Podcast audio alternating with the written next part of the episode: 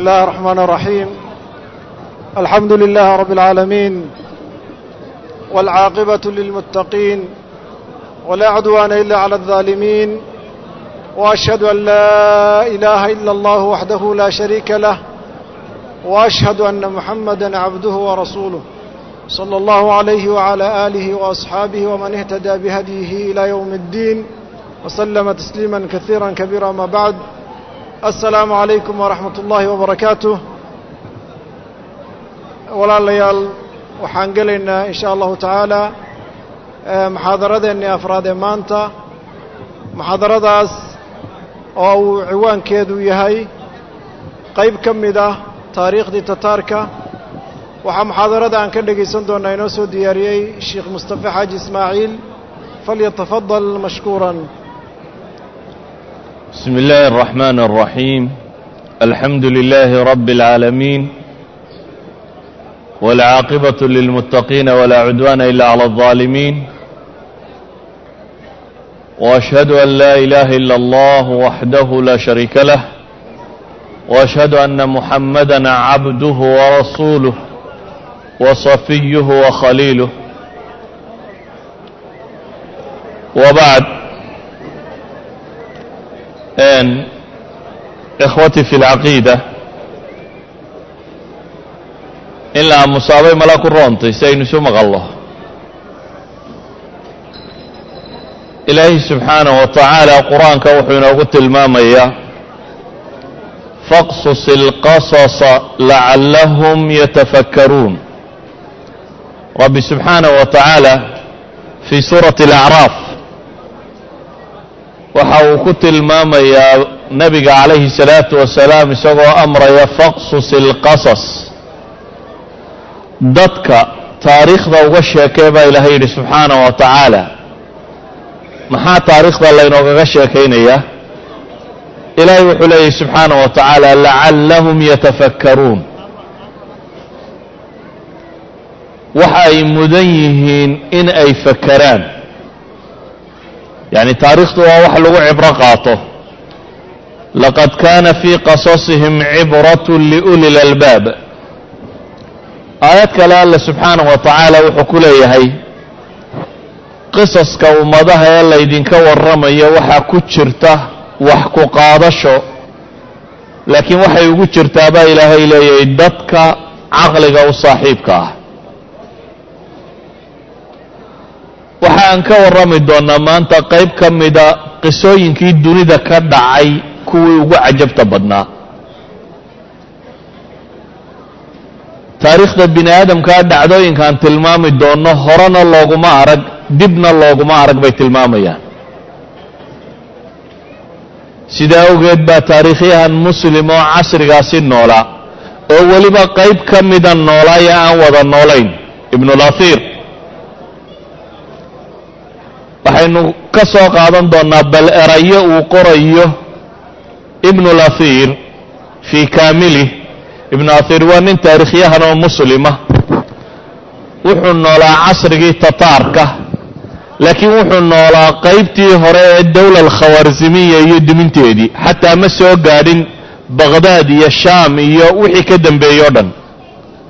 Wuxuu geeriyooday baan filayaa lix boqol iyo soddonkii hijiriyada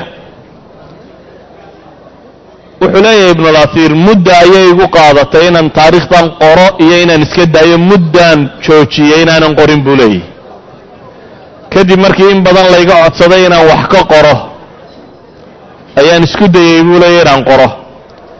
Dabeetana wuxuu odhanayaa dhacdada tataarku xaadithatu tataar min alxawaadith alcudma wاlmasaa'ib اlkubra alati caqamat الduhuura can miliha camat اlkhalaa'iq wakhasat اlmuslimiin wuxuu odhanayaa dhacdada tataarka ku saabsani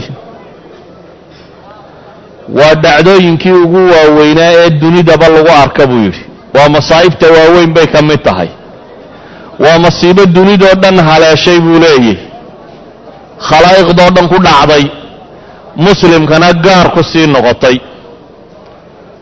waxaan odhan karaa buu yidhi hadduu mid yidhaahdo ilaahay dunida sidii uu u abuuray tanoo kale hore ugama dhicin dibna uga dhici mayso xataa haddii la yidhaahdo buu yidhi ninkaasi run buu sheegayaa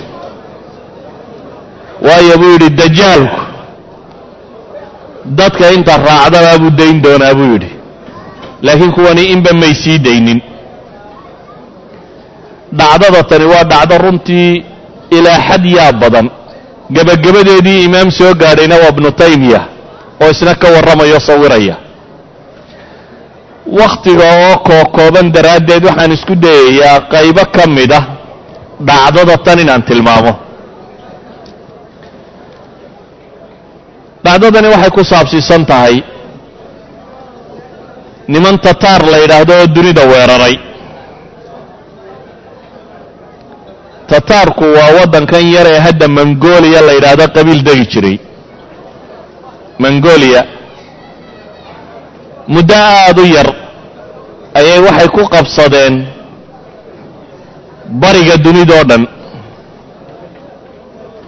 Wakhti aada u kooban bay waxay qabsadeen laga soo bilaabo jabaan iyo jina ilaa iyo poland inta ka dhexlay qabsadeen. Waa jabaan iyo jina laga soo bilaabo oo caalamulislaami la soo dhex maro oo rushia oo dhan toddoba iyo labaatan milyan bay leeyihiin square mitr square kilomitr square oo rushia la dul maro oo ukraine la maro oo poland la maro oo majar la maro hungary oo croatia la maro slovania la maro oo baxrul adriyaan talyaaniga dhinaciisa ay istaagaan. Taariikhda bini aadamka wax sidaa intuu wax u weeraro intaa wakhti yar ku qabta lama arag bay leeyihiin dhacdada tan waxa aan rabaa inaan uga waranno inaynu baranno wax ka baranno. Waxaynu ka baranaynana waxa ugu horreeya inaynu fahamno nidaaga rabbaaniga ee ah waa la jabay inaanu muslimku marnaba isku dhiibin. Ilaahay qur'aanka wuxuu ku leeyahy walaa tahinuu walaa taxzanuu waantum laclowna in kuntum mu'miniin. Ha niyad jabina baa ilaahay leeyahy subxaana wa tacaala ha baraq jabina ha niyad jabina. Oo ha murugoonnina. Haddaan mu'min tihiin idinkaa koraynaya baa ilaahay leeyahy subxaana wa tacaala dhacdada tan waxaan uga warramaynaa markaasi ma aha nacyiga muslimiinta ama geeridii muslimiinta inaan idiin sheego oo dabeetana dadka qalbiga ini wada madoobaato. Wax qalbiga madoobaynayaan ka warramayaa laakiin waxaan uga warramayaa in la garto haddii la kufo in la kici karo. Taa haddii aan ka warramayo laga soo kacay waxa suurtagala wax ka dambeeyo dhanna in laga kici karo taariikhdan marka aan ka warrami doona waa qarnigii toddobaad ee hijiriga qarnigii toddobaad ee hijiriyada bilowgeedii weliba. Haddaan suurad kooban ka bixinno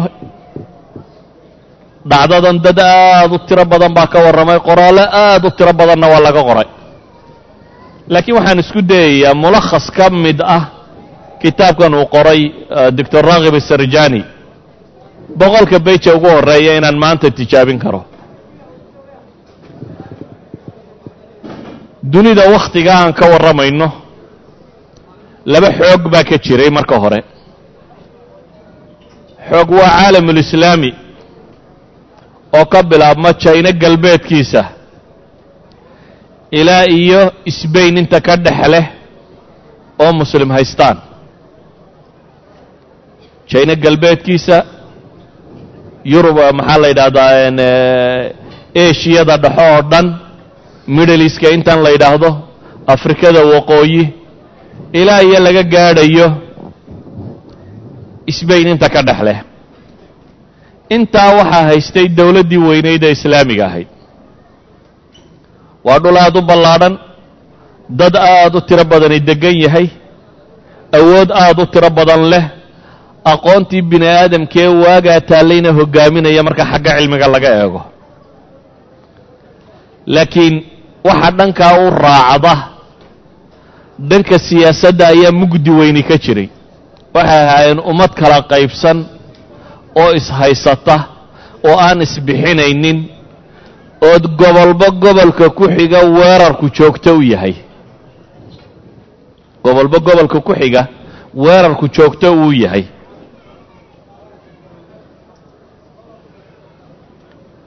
ummaddaas siyaasadda sidan u liidata ee sidan loo soo hungurayn doonaa wakhti yar ka hor guulo waaweyn bay dunida ka muujisay. Dagaaladii muslimka iyo crusadeskii reer galbeedka qoladoodii kristanka wadday u dhaxeeyey waa wakhti yar baa ka soo wareegayba markuu salaaxuddiin guulaystay. Salaaxuddiin alayuubi shan boqol iyo saddex iyo siddeetankii hijiriyada bay ahayd markii uu macrakatu xatiin dhigay ama macrakatul arak markuu sbain ay ku soo jebinayeen qoladii kale dawla almuraabita mise muwaxidiintii laakiin waxaynu in yar ku arki doonnaa iyadoo aada xaqiiqsan doonto ilaaha qur'aanka ku leh subxaana wa tacaala wa tilka alayaamu nudaawiluhaa bayna annaas. Dunida baa ilahay leeyay waa maalmo aan dadka isugu warwareejinayo qul illaahuma maalika اlmulk tu'ti اlmulka man tashaa wa tanzicu اlmulka miman tashaa wa tucizu man tashaa wa tudillu man tashaa waxaynu arki doonnaa rabbi cidduu doono inuu kor yeelo cidduu doono sharfo cidduu doonona dumiyo wakhtigaasi waxaa dunida ka telinayey caalamka islaamiga ah khilaafo lo odhan jiray alkhilaafa alcabaasiya khilaafa alcabaasiya shan boqol iyo dheeraad sanay markaa jirta. Boqol labiyo soddonkii bay bilaabantay oo dawla lamawiya ay baaba'day. Kuwanina caasimadooda waxaa la qabsan doonaa lix boqol iyo lix iyo kontonkii. Shan boqol iyo labaataneeyo sano waxa ayay dawladda tani jirtay. Laakiin wakhtiga kan waxay joogtay. Wakhti boqorku in yar uu ka taliyo ama uu ku dhadhow yahay boqoradda ingiriiska oo kale. Iska magacuunuu yahay. Laakiin imaarado waddanku u kala googo-o imaarad walba boqor ku horkaajo wuxuu doonana uu ka yeelo ta ku xigtana ay isku duulaan. Madaxduna ay ka fakerto un kursigaa siduu u xejisan lahaa iyo ilmihiisa siduu u dhaxal siin lahaa iyo reerkiisa yare uu ka tirsan yahay si ay dadka kale lacagta uga guri lahaayeen khilaafa alcabaasiya qaabkaasay u ekayd dowladdii muslimiinta ee masar iyo shaam shaam waa suuriya urdun falastiin dhulkaas iminka iyo xijaas oo ah xarameynka iyo inta ku beegan iyo yaman iyaguna kamay wadci fiicnayn salaaxaddiin alayubi isagaa intan isku qabtay oo dowlad weyn oo islaamiya ka sameeyey laakiin markuu dhintay dhashiisii iyo tarantii uu ka tegey baa isqabsatay. Dabeetana waa la qaybqaybsaday. Ninba gobol yar buu gaar u goostay iyana waa kala daadatay. Weliba wakhtigaa waxaa kaloo socda alxamla asaliibiya alkhaamisa wixii la odhan jiray. Dagaaladii crusaydisku wadeen dagaalkii shanaad baa markaa socda oo dimyaatiya waa markay qabsadeen masar. Qayb ka mida ay soo qabsadeen oo iyagoo meesha dagaalku uu ka socdo uu dhintayna boqorkii ugu dembeeyey markaa ayuubiyiinta ugu xoog badnaa ee masar markaasi xukumay jiray. Almelik alcaadil galbeedka haddaynu u soo kacno libiya laga bilaabo ilaa andalus. Dowla almuwaxidiin oo iyana iska liidata ayaa markaa ka jirtay. Gaar ahaan dagaalkii alciqaab lo odhan jiray ee ka dhacay andalus markii lagu jabiyey wixii ka dambeeyey. Waxaa jirta dowlad kale oo weyn oo muslimiintu ay lahaayeen oo khawarzam lo odhan jiray addowla alkhawarzamiya dowladda khawarzamiyiintu waxay ka talin jirtay duwalkan istaanada la yidhaahdo turkmanistan khasakhistan afghanistan bakistan waxaa istaan oo dhan isku soo dar eeraanna ku dar intaas bay ka telin jireen. Dowla alkhawarzamiya waa dowlad gudaheeda makaa'id badan iyo isa suldaar badani uu ka jiray. Dowla alcabaasiya colaad badan la gashay salaajaqadii ruumin badan la dagaalantay salaajaqadii yacni atraagta asalkooda ayee muslimiinta ahaa. Suuraddan kooban waxaan rabaa un inaan idinka tusiyo sidii u ekaa caalamulislaamigu waxaa jirtay indiya waxaa ka talin jiray iyana dowlad islaamiya alghoriyiin la odhan jiray. Faris qayb ka midi waa bershiya qayb ka midi dowla alkhawarzimiya bay hoos tegi jirtay. Dacal yar oo sokana waxaa ka talin jiray niman la odhan jiray ismaaciiliyiin ismaaciiliya waa firqo shiicada sheegata culamo badanina gaalay siiso waa firqo waagaa hore madaxnimada aada u jeclayd oo aada u ilaashan jirtay dagaalyahan ahayd dhallinyaradeeda si xooggan u tababari jirtay ku caanbaxday ikhtiyaalaadka. Caalamulislaami madaxda la laynayo waxa la laynayo iyagaa khaarijin jiray.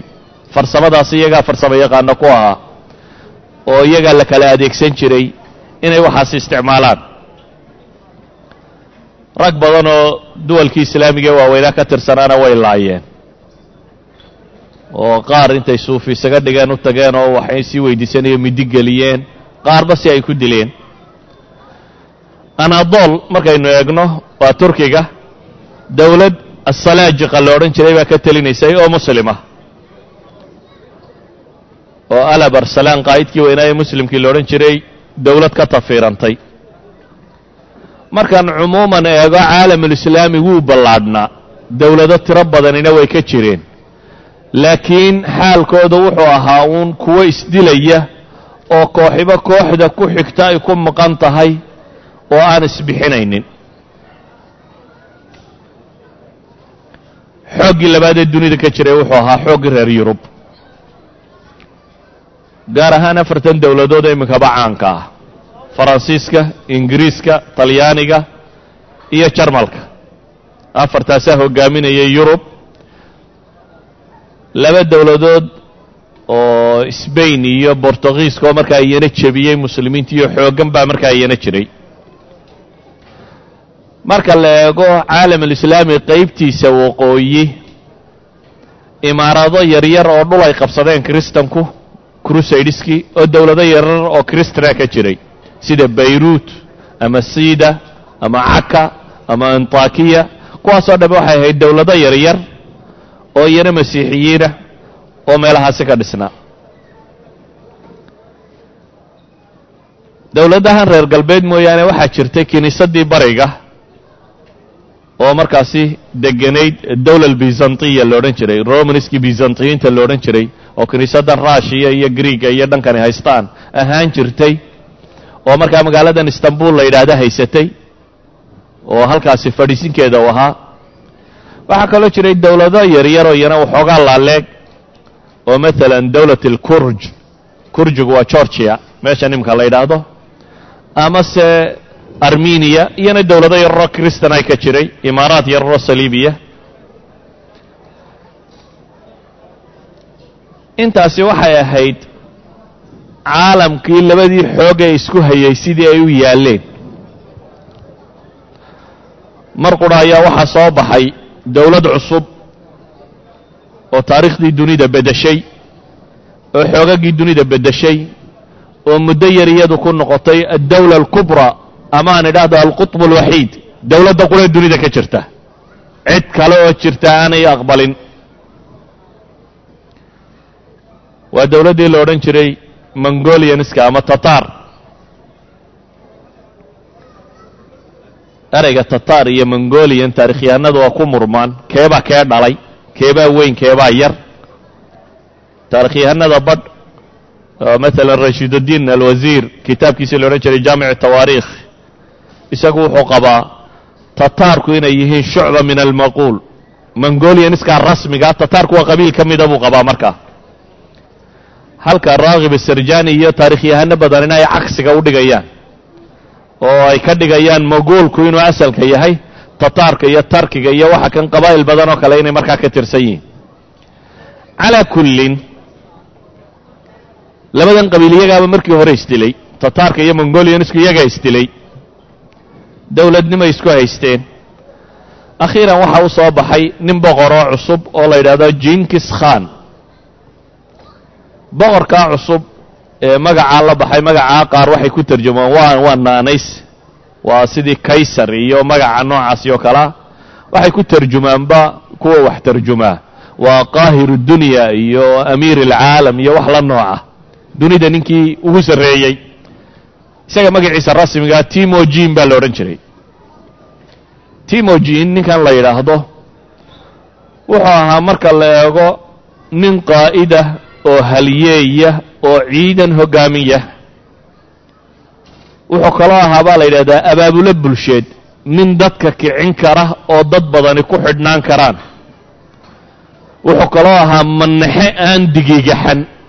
Haddii la madhanayo mongolia maalan markuu qabsanayey qabaa'ilku markay isdilayeen dagaalladu galay reer buu intuu jebiyey ayuu wuxuu yidhi madaxda qabta. Wixii madaxoo dhan inta la soo qabtay toddobaatan ka mida nolosha igu kariya buu yidhi iyagoo nool baa la kariyey. Yacnii ninka madaxdee sidaa u fakaraya buu ahaa. Waa mongolia gudaheeda markuu qabaa'ilku isdilayeen uu boqortooyadan uu qabsan doono intuu qabtay buu toddobaatan ka mida yidhi ha la kariyo iyagoo nool dheriga ha lagu rido ha karsamaan. Wuxuu ahaa nin dagaalyahana qaa'ida oo dad hoggaamin kara oo ururin kara manaxo aan digigaxan ah oo agtiisa naxariisoolina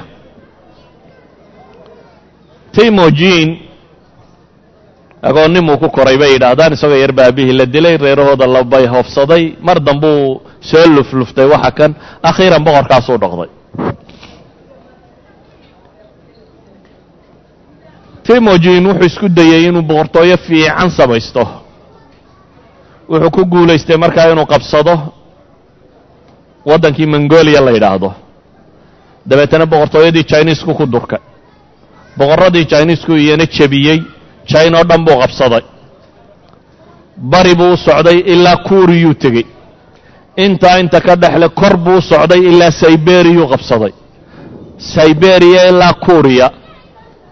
Dowla alkhawaarzimiya dhinaceeda ilaa iyo china dhinaciisa dambe. Dowlad weyn oo intaa leeg buu samaystay oo aada u ballaadhan dowladdiisaas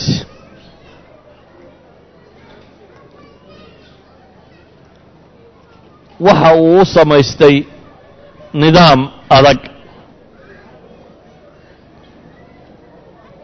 Wuxuu u sameeyey distoor la yidhaahdo alyaasiq aw ilyaasik distoorkani wuxuu ahaa diimihii dunida yaallay ayuu midba wax ka soo qaadqaatay. Dabeetana intuu isku dhafdhaftay ayuu dhaqankoodi iyo hiddahoodiina wax ka mida ku dhaftay waa sidan dasaatiirtan iminka dunida taalloo kale diimaha iyo wax inta isku qasqasto wax dhisata.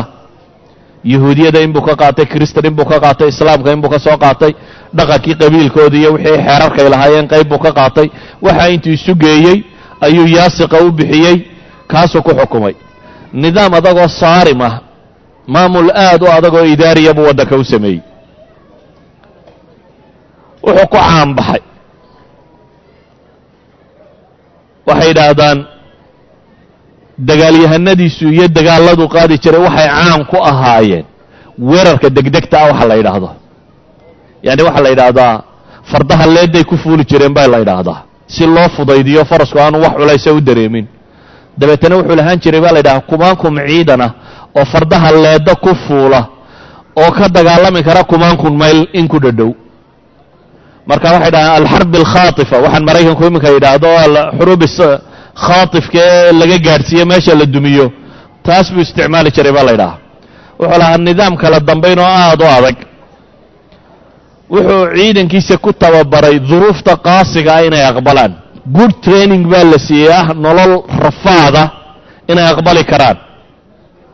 Wuxuu kaloo samaystay hogaamiyeyaal askareed military janano ah oo dunida caan ka noqday. Rag waaweyn bato biiji holaako yacni qaa'id la wada yaqaan bayder bayden waa quwaaddii uu lahaan jiray ninka kani. Waxay ahayn dagaalyahano aad ugu caanbaxay dagaalada. Wuxuu aaminsanaa bay yidhaaheen mabda'a alqutb alwaaxid aqtaab badan inaanay dunida ka jirin ee dunida in nin qura ka taliyo. Dadka dunida joogaana inay ninkaa ka dambeeyaan waxyaabuhu caanka ku ahaa waxaa ka mida bay yidhaahdaan ballanka ma aqoon baa la yidhi. Hadduu cid dowladu heshiis la galo inuu la galo iyo inaanu la galin qiimo badan uma kala dhexaynin sideedaba ragga xoogga waaweyne ballanka ma jecla. Haddii aan aakhiro qofku aanu ka baqaynin iyo rabbaa ku xisaabaiyo qiyaamaa jira iyo waa la isqabsanayaa sideedaba ninka xoogga weyni ballanka marmarsiiyo uma waayo lagu buriyo. Waxaanu isku dayayaa markaa galabta inaan soo bandhigo haddii ay suurtowdo burburkii dowla alkhawaarzimiya iyo si uga takhallusay. Xagguu ku socday filosofigiisu muxuu ahaa ma khilaafada cabaasiyiintu marka hore ku socday sidaa waa la sheegaa laakiin waxa macruufa uun. Ninka kani si kasta uu fakerayay dowlad xooggan baa dhinaciisa iyana jirtay. Addowla alkhawaarzimiya waa dowladdii xukumi jirtay afghanistan uzbekistan turkmanistan kazakhstan tajikistan bakistan iyo qayb eeraan ka mid a intaasuu isku haystay addowla alkhawaarzimiya oo muslim ah. Caasimaddeeduna magaalo orjanda la yidhaahdo orjanda turkmanistan bay ku taallay. Caasimad ayay halkaa u ahayd. Labada waddan waxaa ka dhexeeyey xusnuljawaar si nabadgelyaa in loo wada deganaado. Jankiskhan laftiisu bariga xasilintiisa iyo dowladdiisa dhisideedii ayuu mashquul ku ahaa. Jina iyo dee kuuriye iyo indho yaroo dhan inuu ka takhalluso laakiin wakhti wakhtiyada ka mida unbaa waxaa dhacay waxaan laba filaynin. Isna marmarsiiyo u noqday. Waxaa dhacay dowladdii dowla alkhawaarzimiya magaalo otrar la yidhaahdo oo bariga ku taalla xagga jina u dhow. Ninkii xaakimka haystay labada dowladood maadaama heshiiskani uu jiray tujaarada ayaa si fiican ugu kala socotay baac mushtarkaa mari jiray xaakimkaasaa wuxuu qabtay tujaar mongolianisa tujaar maguulkii ka mid a ama tataarkii ka mid a dabeetana tujaartii oo dhan buu laayey waa ballanfuryo sida u taalla. Taarikh yahanadu sababo badan bay sheegaan. Qaar baa idhaha jawaasiis bay aheen qaar baa idhaha maye isagaaba cid hoosta ka laysa u soo diray waxaasi waa iska mala awaallo qaar baa idhahdeen radin baa jirtay oo marka hore iyagu wax boobeen dabeetana waa loogu abaalguday waxaasoo dhan waa wax iska qaldan. Bale waxaan odhan karnaa waxay khilaafsantayba xadiidkii nebigu abu daawuud xadiidka warinayay sheekh alalbani xasan ku tilmaamayo ee uu nebigu yidhi calayhi salaatu wasalaam dacu lxabasha maa wadacuukum watruku tarka maa tarakuukum waa xadiid xasan oo nebiga ka sugan. Nebigu wuxu yidhi calayhi salaatu wasalaam war xabashida iska daaya inta idin daynayso xabashidu inta idin dayso idinna iska daaya. Waxaa kale uu nebigu xadiidkaasi ku tilmaamay dadka tarkiga la ydhaha ama turkiga la ydhaahdaa turkigu waa qabaa'ilkan bariga o dhami ciddii ay ka soo jeedeen markaas. Ma aha atractan oo qura atractan asalkii iyana xaggaasay ka yimaadeen. Taarikhyahanadu waxay dhahaan kuwan oo dhami tarkigaasay ku jiraan. Atruku tarka maa tarakuukum ma dhicin. Jinkis khan waraaq buu soo diray. Uu boqortooyadii khawaarzim maxamed ibnu lkhawaarzim shaah ninkii la odhan jiray madaxda ka ahaa uu soo diray. Isagoo le nimankii laayay tujaarta gacanta halayga soo geliyo. Boqorkan qaybta muslimkaa haystaana wuxuu yidhi maya annagaa maxkamadaynayna haddii ay jirto xagga iyagaa lagu maxkamadaynaya waa sida taarikhyahanada qaar sheegaan dabeetana umay cuntamin. Jinkis khane wuxuu yidhi cid buu soo diray wuxuu yidhi hala soo dhiibo. Boqorkii xaggan haystayna boqor dhul badan qabsaday oo laftiisa aan isbidistu ku yarayn buu ahaa. Ninkii uu soo dirayba wuxuu yidhi isagana hala dilo. Awal waxaa la isku haystay waxaa la isku haystay rag tujaaroo la laayey oo halay keeno iyo halka ha lagu xukumaa la isku hayay. Oo tii afghanistan oo kale. Dabeetana waxaa la yidhi maye kiina wuu dilay. Jinkis khan marka kan wuxuu u diyaar garoobay markaa dagaal. Waa iclaani xarb. Labadii dowladood dagaal baa loo diyaar garoobay. Jenkis khan ciidan aada u tiro badan buu soo kaxaystay moxamed ibnu khawarzam shaah ninkan la yidhaahda ee dowladda tan xukumaana. Isna ciidan buu soo urursaday magaaladii arjanda wuu ka yimi isna bariguu soo kacay. Laba ciidan oo aada u tiro badan baa la yskala hor yimi.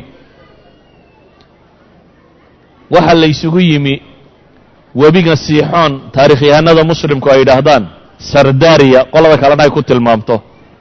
Waa dowladdan kazakhstan la yidhaahdo dhex mara goobtaasaa labadii ciidan isugu yimaadeen dagaal adag baa dhex maray. Muslimiinta oo qura labaatan kun baa ka geeriyooday baa la yidhahdaa. Dagaalka kan labaatan kun oo muslim ayaa lagu waayey. Tataarka ama mongolianiskana waxaa la yidhahdaa in ka badan ayaa iyagana ka dhimatay. Afar maalmood baa la ysjafayey oo dagaalkani socday. Dabeetana markii uu dagaalku adkaaday ayaa dib loo kala yaro gurtay. Labadii ciidan dhimashadii baa ku badatay dhaawacii baa ku tiro batay dib baa loo ka loo kala gurtay. Wakhtigii dib loo kala yaro baxay ayuu boqorkii moxamed ibnu khawarzam shaah wuxuu u fekeray fikrad qaldan taktiik qaldan. Ragga badhna waxay idhahdaan akhlaaqiyan qaldan oo ah inuu insixaab sameeyo goobta inuu ka guuro. Dabeetana cawaasimta magaalooyinka waaweyn inuu ciidamada dhigto o ilaashado. Isaga iyo ciidankiisa inta ugu badanina caasimaddii inay ku noqdaan caasimaddii markaa galbeed waqooyo fog bay ka xigtaa. Meesha la ysku dilaya waa ka durgsantay ciidankiisii dib buu kaxaystay wuxuu kaloo ku tala galay inuu dee ciidamo kala soo urursado badsado. Laakiin waxaa jirta isaga iyo muslimka ay isugu dhow yihiin colaadaa dhex taagan iyagana. Khilaaf alcabaasiya xaggeeda ciidan kama helayo dowla salaajiqa waxba kama helayo khawriyiinta waxba kama soo helayo daa'ifa alismaaciiliya waxba kama helayo hareerihiisa duwalka ka xiga layskuma fiicna atraafi dawla ciidamo saasiya kama soo helin waayo ciddii hareeraha ka xigto o dhan waa la ishayey muslimku hadduu ishayana ilaahay qur-aanka wuxuu ku leeyahy walaa tanaasacuu fatafshaluu watadhaba riixukum waاصbiruu ina allaha maca asaabiriin rabbi wuxuu leeyahy subxaanaه wa tacaala ha isqabanina oo haddaad murantaan oo isqabataan oo nisaacu dhexdiinna ka dhaco waa fashilaysaan dowladnimadiinna iyo xooggiinnuna waa tegayaa baa ilaahay yidhi. Wasbiruu ina allaha maca asaabiriin baa ilaahay leeyahy bini aadam hadduu wax wadaago xagxagasho iyo isqabasho lama waayo laakiin ilaahay wuxuu leeyahay sabirka ogaada. Laba hadday isqabataba aan kala yaacnad waxba ma tarto. Waa dhaqanka ilaa hadda muslimka dhex yaallaad mooddaa laba hadday isqabato wadaad iyo wabiinba isku dar laba wadaad hadday masaajid isku qabtaa waa la kala guuraantee cidda kalena maxaad u malayn wadaad iyo wabiinba isku daro dhaqanku wuxuu u yaallaa qaaba haddii laba muranto in la kala yaaco caalamulislaami qaabkaasoo kale u yaallay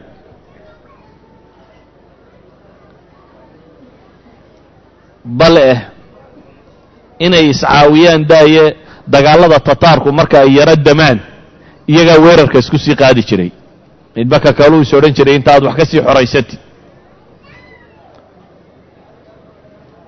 nebi moxamedna calayhi salaatu wasalaam axaadiista ka sugnaatay ee saxiixu muslimka ku taalla rabbi markuu wax weydiistay ilaahay wuxuu u ballan qaaday inaanu ummadda muslimiinta cadow ka xoog bata oo bannaysta. Walow dunidoo dhammina haysu tagtee inaan marnaba alla ku sallidaynin ilaa iyo inay iyagu yihiin kuwa isjafaya ee iniba inta kale gumaadaysa mooyaane. Waa xadiid nebi moxamed ka sugan calayhi salaatu wasalaam. Boqorkani wuxuu ka fekeray markaa carruurtiisii iyo reerihiisii iyo ciidankiisi iyo wixiisii inuu aada u ilaashado oo aan dhibta badani soo gaadhin. Haddii uu ciidamadii meeshii kala baxay jenkis khan maxaa laga rajaynayaa marka hadday u bilaabantay shaqadiisii rasmiga ahayd marka. Jinkis khan ciidamadiisii buu soo dareeriyey ozabakistan buu soo galay. Wuxuu yimi cawaasimta muslimiinta wakhtiga kan dunida magaalooyinka ugu waaweyn ah. Taariikhdii hore marka la eego dowladahan reer galbeedka iyo caasimaadkoodu waa shalay. Shalay bayaanku odhanaya indiya goormu tegayey ingiriisku waa ku axad britaaniyiin ka soo warramaya wuxuu yidhi magaalo ku taalla indiya muslimiintu markay xukumaysaya murshadabaad baa la yidhahdaa ayuu tegey. Markaasuu wuxuu soo diraya uu leeyahy murshadabaad baa ka weyn london kana dhaqaalo badan. Kaliba oday kaloo faransiisaa tegey. Markaasuu yidhi magaalaan tegey. Godadkii dahabkee dunida aad mooddo inay iyada to lagu guray. Idan shalay ahayd baris iyo london iyo waxa kani cawaasimtii dunida wakhtigaa ugu waaweyneed kuwaasi muslimku degan yahay buu ahaa bukhaari markaa waxay ka mid ahayd magaalooyinka ugu waaweyn lix boqol iyo lix iyo tobankii hijiriyada markay maraysay ayuu ku sameeyey xisaar magaaladii buu la go'doomiyey magaalada waxaa jooga ciidan badan oo uu ninkii kaga tegey ciidamadii uu qaybqaybinaya u meelahan kaga tegay ciidan badan baa jooga laakiin dadku qalbigay ka dagaalamaane qofku hadduu qalbiga ka jabo waxaad mooddaa inaanu wax badan iska celinin. Waxay dalbadeen dadkii meesha joogay iyo wixiiba inay isdhiibaan laakiin muqaabil ilamaan calanka cad baanu taagaynaa laakiin nabadgelyo hana la siiyo. Dadkii badh baa caynkaa yidhi badhna waa diideen magaaladii markay isqabatay qolole aan isdhiibno ciidankan intaa leeg boqorkeenniba tegiyo oo iska celin kari mayno iyo qolana aan isdifaacanay noqdeen. Waxaa xoog batoo tiro batay qoladii lahayd aan isdhiibno qoladii lahayd aan isdifaacno. Qalcad weyn oo magaalada ku dhex taalla ayay galeen dabeetana ciidanka intii qalcaddaa gashay waxaa ku darsamay culammadii iyo fuqahadii iyo dadkii waxgaradka ahaana qalcaddii bay ugu tageen. Dadka intii ugu tirada badnaydna waxay dhahdeen matataar baa la iska celin karayaa aan isdhiibno way isdhiibeen jinkis khan dhaqamadiisii u yaqaanu markaa ku dhaqma. Qoladii isdhiibtay wuxuu yidhi ammaan baan idin siiye ee maxaan samaynaynaa markaa qolada kalean weeraraya. Albaabaday u fureen magaaladiibuu soo galay qoladii isdhiibtay wuu iska daayey. Wuxuu yidhi idinku rag fiican baa tiina waa isdhiibteen haddaba dagaalkaynu wadagelaynaa qolada kale ayla weeraraysaan. Waxaa bilowdaan dhufaysyada iyo khanaadiqda iyo waxaan ay qoteen iyo meelaha kale idinkaa kala garanaya ila dumiya. Muslimkii xagga kani waxay u eegyihiin muslimkii deganaa maxay afghanistan waqooyigeeda iyo akraaddii ciraaq iyo shiicadii ciraaq baabkii oo kale weeyaan. Waa lala jafay. Markii la jafay toban maalmood ayuu xisaar ku hayay go'doomin qalcaddaasi ama dhufayskaa weyn. Toban casho kadib ayuu jabsaday dabeetana wixii ku jiray midh lagama sii dayn. Waa la gumaaday. Markuu qoladii gumaadkooda ka soo jeestay ayuu dib u soo noqday. Magaalada intii kaleba wuxuu yidhi codsi wixii magaalada dhaqaale yaalla ha la soo saaro dahabka iyo kunusta iyo fidada iyo wixii aa meesha ku haysateen intaasaan rabaa buu yidhi ha la soo saaro. Waa la cabsanayaa wixii ciidanka harsanaa raggii yidhi intii tidhi aan dagaalanayna laga takhallus intani waa intii awalba isdhiibtay calanka caddi dhiibatay xoolihii baa loo keenay magaalada wixii dhaqaale yaallayna waa kan baa la yidhi markuu dhaqaalihii isku hubiyey ayuu ciidankiisii wuxuu yidhi waa fasaxantiin haddaba waa fasaxantiintu waa yaan waxba laga sii daynin bukhaara siday u dhammayd dhiiggaa dhegta loo daray gawraca magaaladii dhammayd waa la laayey hantida intuu isagu qaatay mooyaane askartii baaqigii baa lagu sii daayey waa la waday. Magaaladan iyo sida u ekayd ibnu kahiiro ka warramaya wuxuu leeyahy faqataluu min ahlihaa khalqan laa yaclamuhum ila allah. Waxay laayeen buu leeyahay dad aan tiradooda alla mooyaane cid kale garanaynin carruurtii iyo dumarkii waa kaxaysteenoo waa fara xumeeyeen bale dumarka reerka ragga hortiisa dumarka lagu fara xumaynayey xaaskiisa iyo carruurtiisa iyo maxaa la yidhahdaa hablihiisaba hortiisa lagu fara xumaynayey ciddii madaxa ka yara taagta ama isa soo taagtaana madaxa laga jarayay markuu magaaladii wixii adduun yaallay qaatay wixii rag joogay dilay wixii dumar joogay le fara xumeeyey ayuu yidhi haddaba baxa baaqigiina wuu gubay. Baaqigiina wuu gubay.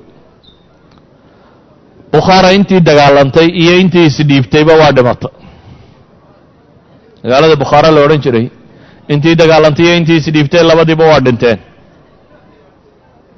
Wa an nuhlik wa fiina an nahlaku wa fiina asaalixuun xadiidkii saxiixa muxuu lahaa nabigay weydiisay mayaanu halaagsamayna mise waana la halaagaya iyadoo dadka saalixiintii nagu jiraan? Qaala nacm ida kahura alkhabs buu nebigu yidhi. Xumuhu hadduu bato ha waa laydin wada halaagaya. Markuu bukhaaro dhulka la simay buu dhaqaaqay isagoo ciidankiisii wata. Wuxuu qabtay magaalada ku xigta samarqand. Samarqand waa magaalo weyn oo zabakistan meesha iminka la yidhahday ku taalla waa magaalooyinkii muslimiinta ee caanka ahaa. Waa samarqandiya gagaarkeeda maalan suqda suqdatu samarqand taarikhda waa ku aragteen. Waxay yidhahdaan jannaat dunya arbaca baa la odhan jiray. Jannada dunidu waa afar baa la odhan jiray.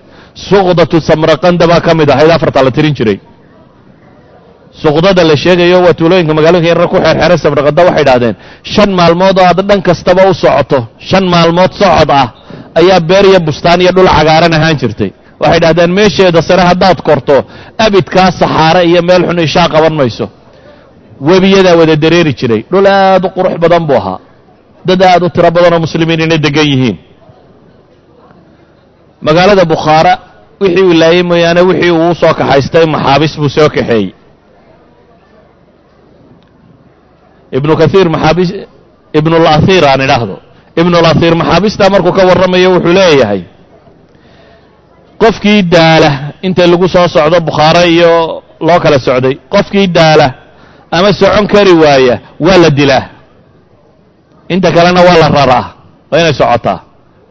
Haddaad daasha oo hadda wax lagu dhibo ama qaadi kari waayaba socon kari waydana waa lagu dilaya dee dadkii dilkay ka cararayaane qofkii ku ruushi karaaba waa soo socday samarqando markii loo soo dhowaadayba wuxuu rabaa inuu reer samarqando bajiyo. Inta aanu dagaal la gelin. Maxaabistii muslimiinta intuu qaybqaybiyey ayuu tobankii walba calan buu u dhiibay. Kii ah calamadii tataarka ah tobankii qofba calan buu siiyey.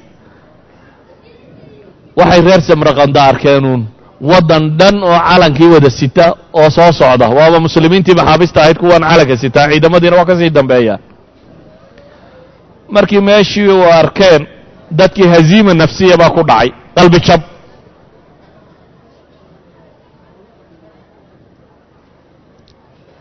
Maxaabistii wuxuu ku qasbay inay dagaalamaan.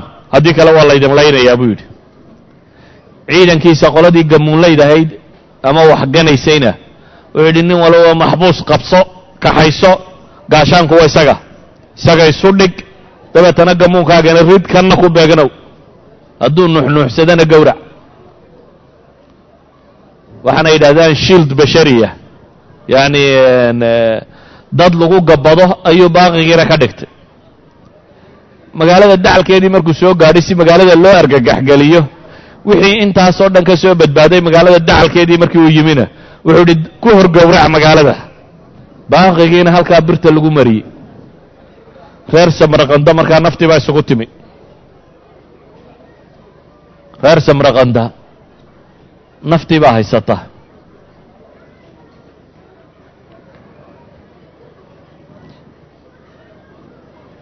Reer samarqanda waxay isku dayeen.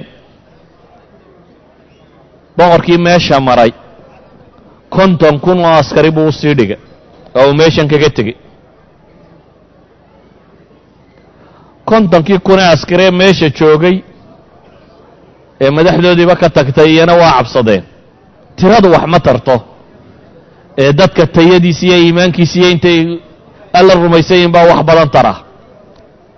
Magaaladii markii dhan walba xisaar lagaga sameeyey go'doomin markii dhan walba lagaga sameeyey. Ayuu ciidankii dhammaaye meesha magaalada lagaga sii tegey. Waxay ahayd inuu magaalada ka soo baxo debadda ku dagaalamo debadda uma bixine magaaladii gudaheedii buu galay. Dalcaadkii dadku ku jireen buu la galay. Isla markaana waxay gaansadeen go'aan ah inay isdhiibaan. Dabeetana dadkii magaalada joogaa ku qayliyo waxaa la isku dayay in la qanciyo. Filo baqa cararaya dee cidima joojin karto. Waa diideen waxay aqbaleen samarqando magaaladii samarqanda la odhan jiray inay iyana dhiibaan.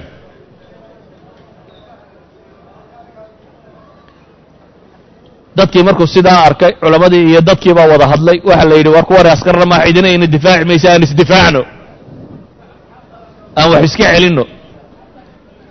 Toddobaatan kun ayaa markaa soo baxay oo dadkii magaalada degganaaya. Sheefoodiiyo warmadooda qaato o yidhi waa isdifaacaynaa dadka kane waa dad xamaasade hayso. Laakiin maaha dad military trainid ah. Dad ciidannimo loo tababaray maaha. Waa dad u nacay iyagoo faramadhan inta loo yimaado in birta la mariyo oo la gowraco waayo waxay ogyihiin magaaladii dhammayd ay isdhibteen bukhaara ahaydba sidii loo galay. Marka kollayba waa dhimanaysaan bay leeyihiin inay idinkoo soo jeeda dhinta. Waa soo baxeen. Jinkis khan waa khabiid taagtiyahanah toddobaatan kun markay soo baxeen oo u garanaya inaan ahayn raggii milatariga ahaa ee dhabta ahaa ayuu wuxuu sameeyey taktiig dagaal oo ah aanu baqa guuro aanu baqa cararo. Dadkii markii laysku soo baxayba wuu u baqa cararay. Ciidankiisii wuxuu faray inay baqa carar sameeyaan baqa cararku waa inaad iska dhigto sidii nin jabay oo cararaya oo tegaya. Laakiin xeelad dagaal buu wadaa ma rabo. Waa soo baqa cararay dadkii awalba xamaasadaysanana waxay islaaheen wallahi waa kaa gaalka idiin jabay. Seeftaa lagala daba cararay. Waa laga soo daba aguumay.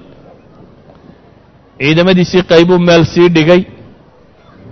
Dadkii markuu magaaladii kala baxay ee uu gaar ula baxay ayuu kamiinadii xagga dambe ka mareen. Waxaa laga xidhay xaggii magaalada iyo medadka ay ka heli lahaayeen dabeetana labada dhinac baa askartiisii ka gashay toddobaatankaba madaxa laga jaray. Toddobaatankii kun ee soo baxay toddobaatankii kunba madaxaa laga jaray. Dufca waaxida mar keliya toddobaatan kun oo reer samraqande ah oo intoodii iimaanku uu ku jira wax isbaday ah iyagana la gumaaday maxaa soo hadhay?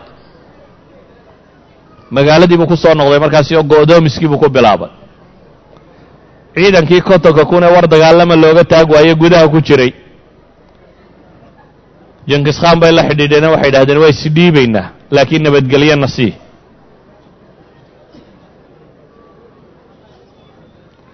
Dadka intii kale magaalada ku hadhay way diideenoo warsaani si maaha baa la yidhi. Qoladii ciidanka ahayd way ku adkaysatay tataarkuna wuxuu yidhi nabadgelyadaan ogolay. Dabeetana albaabadii magaaladay qasab ku subeen. Qasab bay ku fureen. Waa askar shacabtana ka adag. Waa halkii gabayaaga carbeed muxuu lahaa asadun calaya wa fi lxuruubi nacaamatun. Aniga buu yidhi markaa way arkaana waa libaax. Dagaal markuu dhacana waa goraya buu yidhi. Waa cararaya. Waa askar shacabkan iyo masaakiintanna ka adag halka raggu isku haya marka la taagana calanka cad bay geynayaan dadkii waxay ku qasbeen albaabada in la furo. Magaaladii samarqanda ahayd albaabadaa loo furay. Dabeetana jinkis khan iyo ciidankiisii baa yimi. Oo yidhi shuruuda heshiiskee nabadgelyadaa ku helaysaan waxa weeyaan kow. Hubka soo dhiiba iyo fardaha iyo xoolaha. Idinkana waxaan idin gaadhsiinayaa dhul nabada iyo meeshii aad rabteen waa ciidankii dee dowladda. Markaa wuxuu leeyay wixii hub ah iyo fardo iyo dawaab aad rarataan xoolo wixii ah la soo wareejiyo idinkana waan idin geynaya waa idin kaxaynayaa dhul nabadaa meeshii aad doonaysaan baan idin qabadsiinaya. Waa rag dee jabay yacni fulaha fulaha haddii inan yari u hanjabo inanka yar xooggiisu uma muuqdee digdigtiisaa u muuqata. Waa jabeen nimanka kani. Maadaama ay jabeen hubkii iyo wixiina waxay idhaahdeen waa kan. Naga qabo. Ciidanku wixii uu hub haystay meel buu ka dhigay waa u nidaamkan maantaba la isticmaalay cunaqabatayn ku soo roga hubkaa laga dhigo iyaan waxba laga iibinin waa kan maalinta dambena oo lagu duulaa marka wax walba wakhtiga laga dhigo. Hubkao dhan markii uu ka dhigay ayuu magaalada soo galay. Dabeetana wuxuu amray in raggooda iyo dumarkooda iyo carruurtooda kuwan waxba inaan laga sii dayna la laayo magaalada tan. Wixii xoolaana la qaado dadkana in la cadaabo ilaa iyo xooluhu halkay ku qarsoonyiin inta ay ka sheegayaan. Dumarka iyo carruurta wixii in la addoonsadoo la kaxaysto aanu cuntaminay ama weyn ama xanuunsanaya ama kuwaana ma wadwadi karnay hala dilo. Jaamica magaalada masaajidka ugu weyn ee magaalada ku yaallana hala gubo.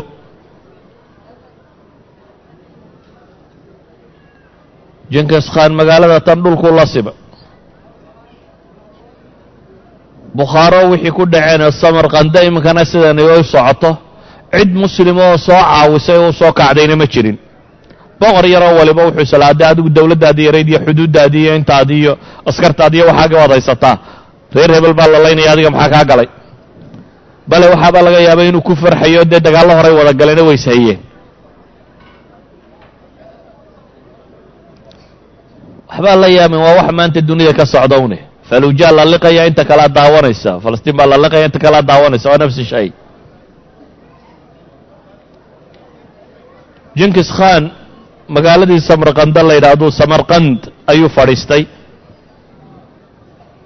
Dabeetana wuxuu yidhi magaalooyinkan iyo layntooda tani wakhti badan bay iga luminaysa. Magaalooyinka kan iyo layntooda wakhti badan ayay iga luminaysa. Ee maxaan samaynayaa labaatankii kun ee ciidankiisa uu raggii ugu khatarsanaaya ayuu soo saaray. Dabeetana wuxuu yidhi dowladda tani jabtay ee waxaan rabaa moxamed ibnu khawaarzim shaah madaxiisa in lay keeno. Boqorkii ha laga daba tago wax kaloo a eegtaan.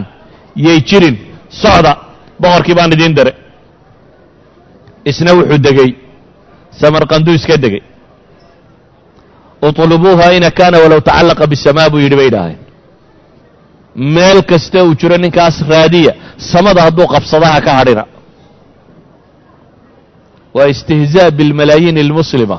U fiirso waa labaatan kun oo askari. Dowladd dhan oo laba saddex magaalo laga haysto intii kale dhexta ayuu u diraya.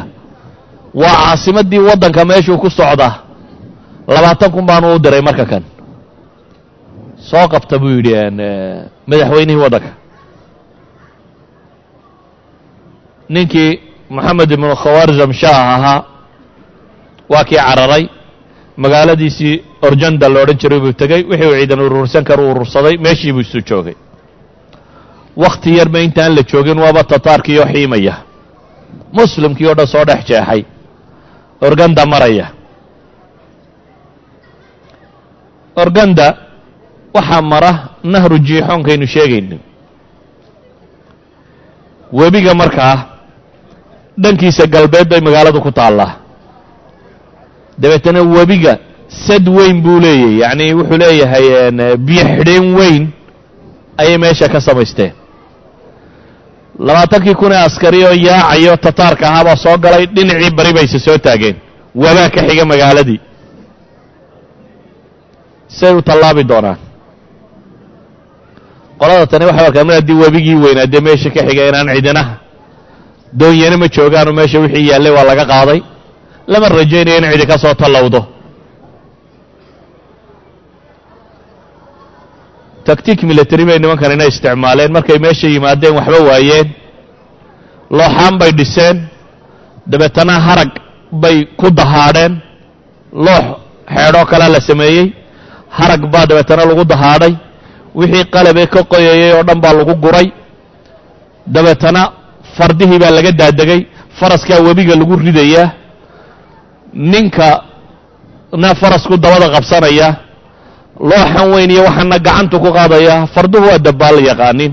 Faraskaa dabaalanaya oo ka tallaabaya askariguna faraskaasu dabada haysanaya askariguna wuxuu gacanta kale ku haynayaa. Baashan dhan buu jiidaya looxan alaabtu saarantuu jiidaya nidaamkaasay kaga tallaabeen labaatankii kun askari iyo qalabkoodiiba xagga shishaa loo tallaabiyey. Intii waxaanoo ciidani soo tallaabayaan xaggee lagu maqnaa dowladda mukhaabaraadkeedii miye miyaa la hurday sidee wax ahaayeen? Lama garanayo. Maxamed khawarzam shaah iyo ciidankiisii wuxuunbay idhaa kala qaadeen. Nimankii ciidankii tataarka oo ka soo tallaabay webigii oo dhankii kala taagan.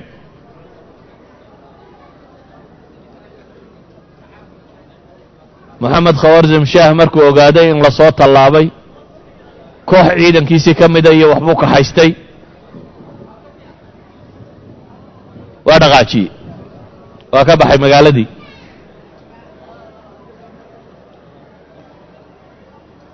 Isagoo aan waxba egan ibnu ahiir wuxuu leeyahy waraxala moxamed khawarzam shaah laa yalwi calaa shayin fii nafarin min khaasatih cidna isagoo aan dib u eegin waxoogaa yaro kooxdiisii u kaxaystay dabeetana wuu baxay. Wuxuu qabtay nisabuur nisabuur waxay ku taallaa koonfurta arjanda ayay ku beegan tahay. Maadaama uu cararay ciidankiina madaxdu de hadday kaa carartay ciidanka intii kalena waa iska kala yaacday laakiin labaatankan kun ee askari nidaam ayuu ku soconayay ninka jinkiskhaan la yidhahdaa awaamirta sideeday u fulinayaan. Ma odhan magaalooyin gala cid qabta aniga ninkaa ii doona bay idhaahdeen ciidankii markuu kala yaacay ninkiina uu baxsaday magaaladii may eegin odaygii cararay bay ka daba tageen. Magaaladiina waa iska dhaafeen. Madaxweynihii waa rooray wuxuu rooraba magaalada naysaabuur la yidhaahdo oo koonfur ka xigta ayuu yimi kooxdanina waa ka daba timi. Waxba may dilin waxba may boobin waxba toona toos bay u socdaan. Muslim tiro badan bay dhex marayaan. Muslimka laftiisiina waxay is idhaahdeen waar haddii ilaahay idinka badbaadiyo baana isku taataabinina iyana haydin dhaafaan. Iyana cidna ma taabtaan. Muhiimaddooday u socdaan dadkii iyo askartii iyo wixii kale meel kaga soo horbaxaana. Nimankan aan idinba taabanayn idana ha taabanina la yidhaho jidkaa loo baneeyey. Jidka markii si fudud loogu baneeyey odaygii bay daba jabacsadeen. Intii aanu ciidanba urursanin ayaa warkuu soo dhacay ee odhanaya naysaabuur nimankii way dul taagan yihiin labaatankii kun ee askar oo xiimaya naysaabuur bay joogaan markuu warkaa maqlay madaxweynihii waxoogaagiisii intuu urursaday ayuu maazandaraan magaalo la yidhaahdo tow ugu siiyey. Waa ka baxay tiina. Waa eeraan. Oo magaalo ku taalla. Naysaabuur markayse soo taageen baa la yidhi madaxweynihii waa baxay. Kumay weecan magaaladii odaygii bay ka daba tageen. Magaaladii iyana waa iska dhaafeen madaxweynihii sidii u ordayey wuxuu soo galay. Magaalo rayi la ydhaaho waa dhanka bari buu markaa uga kacay markii hore arjanda buu ka yimi naysaabuur oo koonfuruu yimi. Bari buu u jeexay haddana. Wuxuu qabtay markaa magaalo rayi la yidhaahdo. Ray markuu yimi ayaa loo sheegay nimankii inaanay magaalooyinkiiba ku hakan cidna laynin ay daba socdaan. Waa dhaafay iyana. Hamadaan buu u sii kacay waa magaalo kale oo eeraan ka mida iyana nimankii tataar waa yimaadeen.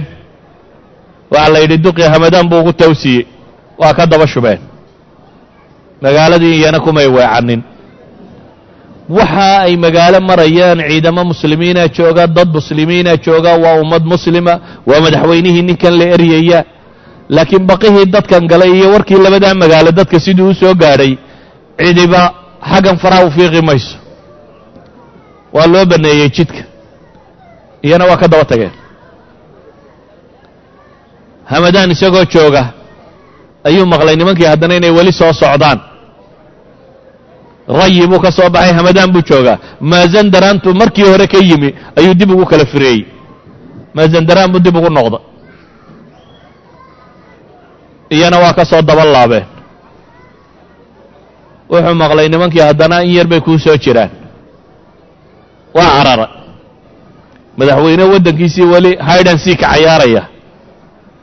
Maxaa la yidhahdaa baashan dhuumashada iyo soo helitaanka. Waa baxsada baxsadkii wuxuu qabtay gobolkan la yidhahdo tabristan tabristan waa gobolka ku xiga khaswiin baxru khaswiin baddan yar ee khaswiin la yidhaahdo. Gobolka ku xiga muslimiintu degi jireen baa tabristan la odhan jiray. Gobolkaasuu ta ugu siiyey dabeetana waa ka soo daba baxeen. Wuxuu gaadhay baddii badda markuu tegey ayuu doon fuulay. Dabeetana gasiirad yaroo badda barhtankeeda ku taalla ayuu degey. Siday u soo eryayeen bay xeebtiisa soo taageen. Nasiib darro dee wuu ka baxsaday iyo nasiib wanaag midaytay garan maayo. Boqorkii lama hayo meeshii markayse soo taageen dee tani webi maahe waa bad. Markaa dib bay uga laabteen. Boqorkii meeshii waa ku busaaradsaday waa ku cidlaystay waa ku fool xumaaday waa baahaday waa ku baktiyey waa dhinta. Addawla alkhawarzimiya ninkii ka talin jiray kafan baa loo waayey furaashkuu ku seexan jiraa lagu aasa. Addawla alkhawarzimiya ee dhanna jayna dacalkeeda joogta dhanna ciraaq dacalkeeda joogta dhanna baxru khaswiin joogta dhanna nahru sind ayay joogtaa bakistan afghanistan istaan oo dhan nahru sind webiga la yidhahdee mara gobolkan sindi la yidhahde ku yaalla bakistan intaa waddanka leeg ninkii ka telinayey kafan baa loo waayey furaashkuu ku jiifaa lagu aasay aynamaa takunuu yudrikkum اlmowt walow kuntum fii buruujin mushayada meel kastoo aad tagtidba geeriyi way ku haleelaysaa. Addawla alkhawarzimiya haddaan in yar dib ugu noqdo. Moxamed ibnu khawarzim shaah wax cajiiba ka arki doontaan. Haddaan isaga taarikhdiisa in yar ka warramo labaatan iyo kow sannadood iyo weliba bilo ayuu waddankaasi ka telinayay labaatan iyo kowgaasina uu ka telinayey boqortooyadiisu way sii ballaadhanaysay. Boqortooyooyinkii yararaa ee agtiisa ka jiray oo dhan wuu baabi'iyo isagu isku soo hoos daray. Min ciraaq ilaa turkistan turkistantan hadda uu qaybta haysto china ilaa ciraaq inta ka dhexlay dowladdani ahayd. Afghanistan buu xukumi jiray. Qayb indiya ka miduu xukumi jiray. Sajastan buu xukumi jiray. Maxaa la yidhahdaa karman oo bakistan qayb ka mid ah buu xukumi jiray. Babristaantaynu ka warramayno. Waxaasoo dhana buu haystay. Ninkan xaalkiisu siduu ahaa. Ninka kani shaksi ahaan cibaadiya maamulba uu ku fiicnaa baa la yidhahaa bal u fiirsada waa wax cajiiba arki doontaane waxay yidhahdaan wuxuu ahaa nin sabir badan oo dhibaatada u adkaysi badan oo socod badan oo aan raaxo jeclayn oo bidhbidhka nololeed aan u jeedin. Laakiin madaxnimo hunguri hayo madaxnimada aada ugu adag boqortooyadana ilaashada. Shakhsiyadiisa qof ahaan waxay ku sheegaan inuu ahaa nin cilmi lahaa oo culammada sharfi jiray oo cilmiga jeclaa oo majaalistiisa cilmiga la fadhiisan jiray oo ahlu cilmiga ka barakaysan jiray oo la noolaan jiray oo haddaa xaggayda inkaartu kaga dhacday. Isagu shaksi ahaan waxaa la leeyahy nin cibaadaysto caynkano caynkana buu ahaa. Maamul ahaan waxaa la leeyahy nin dowladdiis iyo wax ilaaliyo si fiican u maamulo buu ahaa. Waxay dhahdeen mashkiladiisu wuxuu ahaa siyaasi hinaasiya buu ahaa. Madaxa in cid kale kor u qaado baanu ogolayn keligii talis keligii inuu taliyo walidaalik ayaa ibnu latiir wuxuu leeyahy wa kaana qad istawlaa cala albilaadi waqatala mulukaha waafnaahum wabaqiya huwa wabaqiya huwa waxdahu sulطaan اlbilaad yacni wuxuu tilmaamayaa ninkani buu yidhi dhulkao dhan buu qabsaday boqorradii kale iyo madaxdii kale oo dhan buu laayoo gumaaday keligii meesha u hadhay markii isaga tataarku jebiyeen buu yidhi lam yabqa fi اlbilaadi man yamnachum walaa man yuxmiiha haddaan si kale u tilmaamo waxa weeyaan aniga mooyaane madax kale yay jirin buu taagnaa. Madaxdii kale iyo wixii kaleo dhan buu dhulka la simay isagu markii uu jabay. Qisatu tataar oo min mongolia ilaa kiivna waa layga rabaa inaan ka warramo inta ka dhexlaya sidii loo qabsaday wakhtigiina toban daqiiqa ka hadhay. Markaan soo koobo waxaan odhan karaa dadka muslimiinta ah dhibaatadii dhexdooda taallay baa jebisay. Midnimo la'aantii baa jebisay.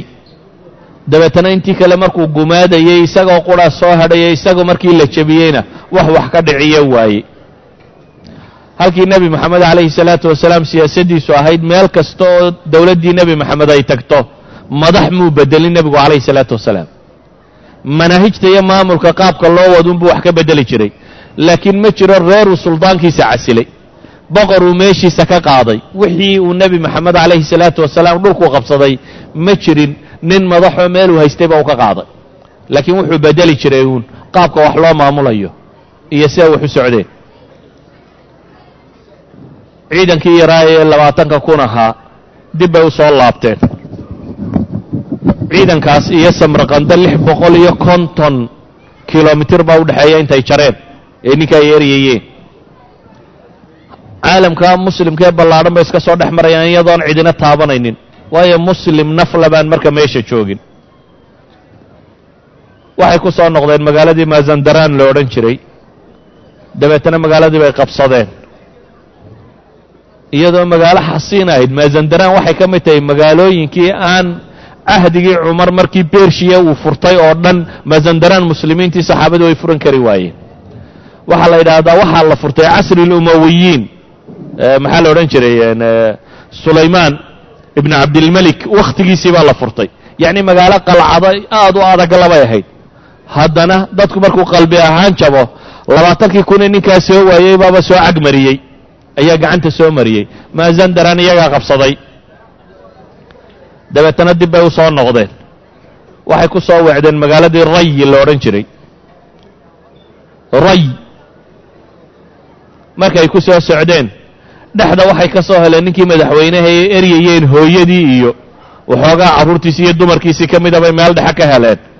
Intiina intay maxbuusnimo u qabteen bay u direen. Waa labaatankii kun waxaan sidaa wax u wadaa maxaabiis intay ka dhigeen bay waxay u direen jinkis khan. Magaalada rayi bay yimaadeen. Markay rayi yimaadeen iyana cagtaa la mariyey tuulooyinkii ku dhadhowaa baa la yimi iyana cagtay soo mariyeen. Waxaa la yidhaahdaa khaswiin magaalada la yidhahda markay yimaadeen afartan kun oo qof bay madaxa ka jareen. Waxay soo galeen azerbaijaan gobolkan la yidhaahdo azerbaijaan bay iyana cagta mariyeen. Magaalo tabriiz la yidhaahdo bay yimaadeen. Tabriis waxaa haystay bay yidhahdaan nin madaxoo khabriyo cabiska ahaan jiray oo osbik ibnulbahlawaan la yidhaahdo. Lacag iyo maryo iyo waxbuu kala hortegay waa labaatankii. Dabeetana wuxuu yidhi ammaanna siiya intan qaato waa ka aqbalayna waa iskaga tageen. Waxay yimaadeen magaalo tabriiz la yidhaahdo. Reer tabriis waxay yidhahdeen dagaal baanu ka xignaa dagaal bay u soo baxeen jihaad bay iclaamiyeen qolada tani waa khatar bay yidhahdeen ayna dhaafiya waa iska dhaafeen. Armeniya iyo georgiya bay tageen cagtay mariyeen. Waa dhaafeen. Waxay tageen magaalo la yidhaahdo qabiilkan kurjka la yidhahdo kurjku waa kuwan iminka georgiyanka la yidhaahdo. Cagtay mariyeen. Waa cristan qabiil ah iyo wathaniyiin bay isugu jireen. Kuwaasna cagtay soo mariyeen. Magaalada tibliis la yidhahday cagta soo mariyeen waa soo dhaafeen sanadkaasi ah lix boqol iyo toddobiyo tobankii ayuu wuxuu ka dhigay khuraasaan oo dham inay bilaa dowlad noqoto. Khuraasaan iyo khawaarizm labada gobole la yidhaahdo. Khuraasaan waxaa la yidhahdaa waa gobol eeraan waqooyigeeda eeraan berigeeda iyo waqooyiga afghanistaan intaasoo isku baxsan baa khuraasaan la odhan jiray taarikhyahanadii hore. Waa meeshay ku taalla magaaladan la yidhahdo balkh iyo marwe iyo naysabur iyo haraat iyo khasne iyo waxaasoo dhami dhulkaasoo dhan buu soo maray oo wada qalaac xasiina ahaa maadaama wakhtigu iska gebageba yahay bal maanta halkaasaan ku joojinaya. Wallahu aclam wabillahi towfiiq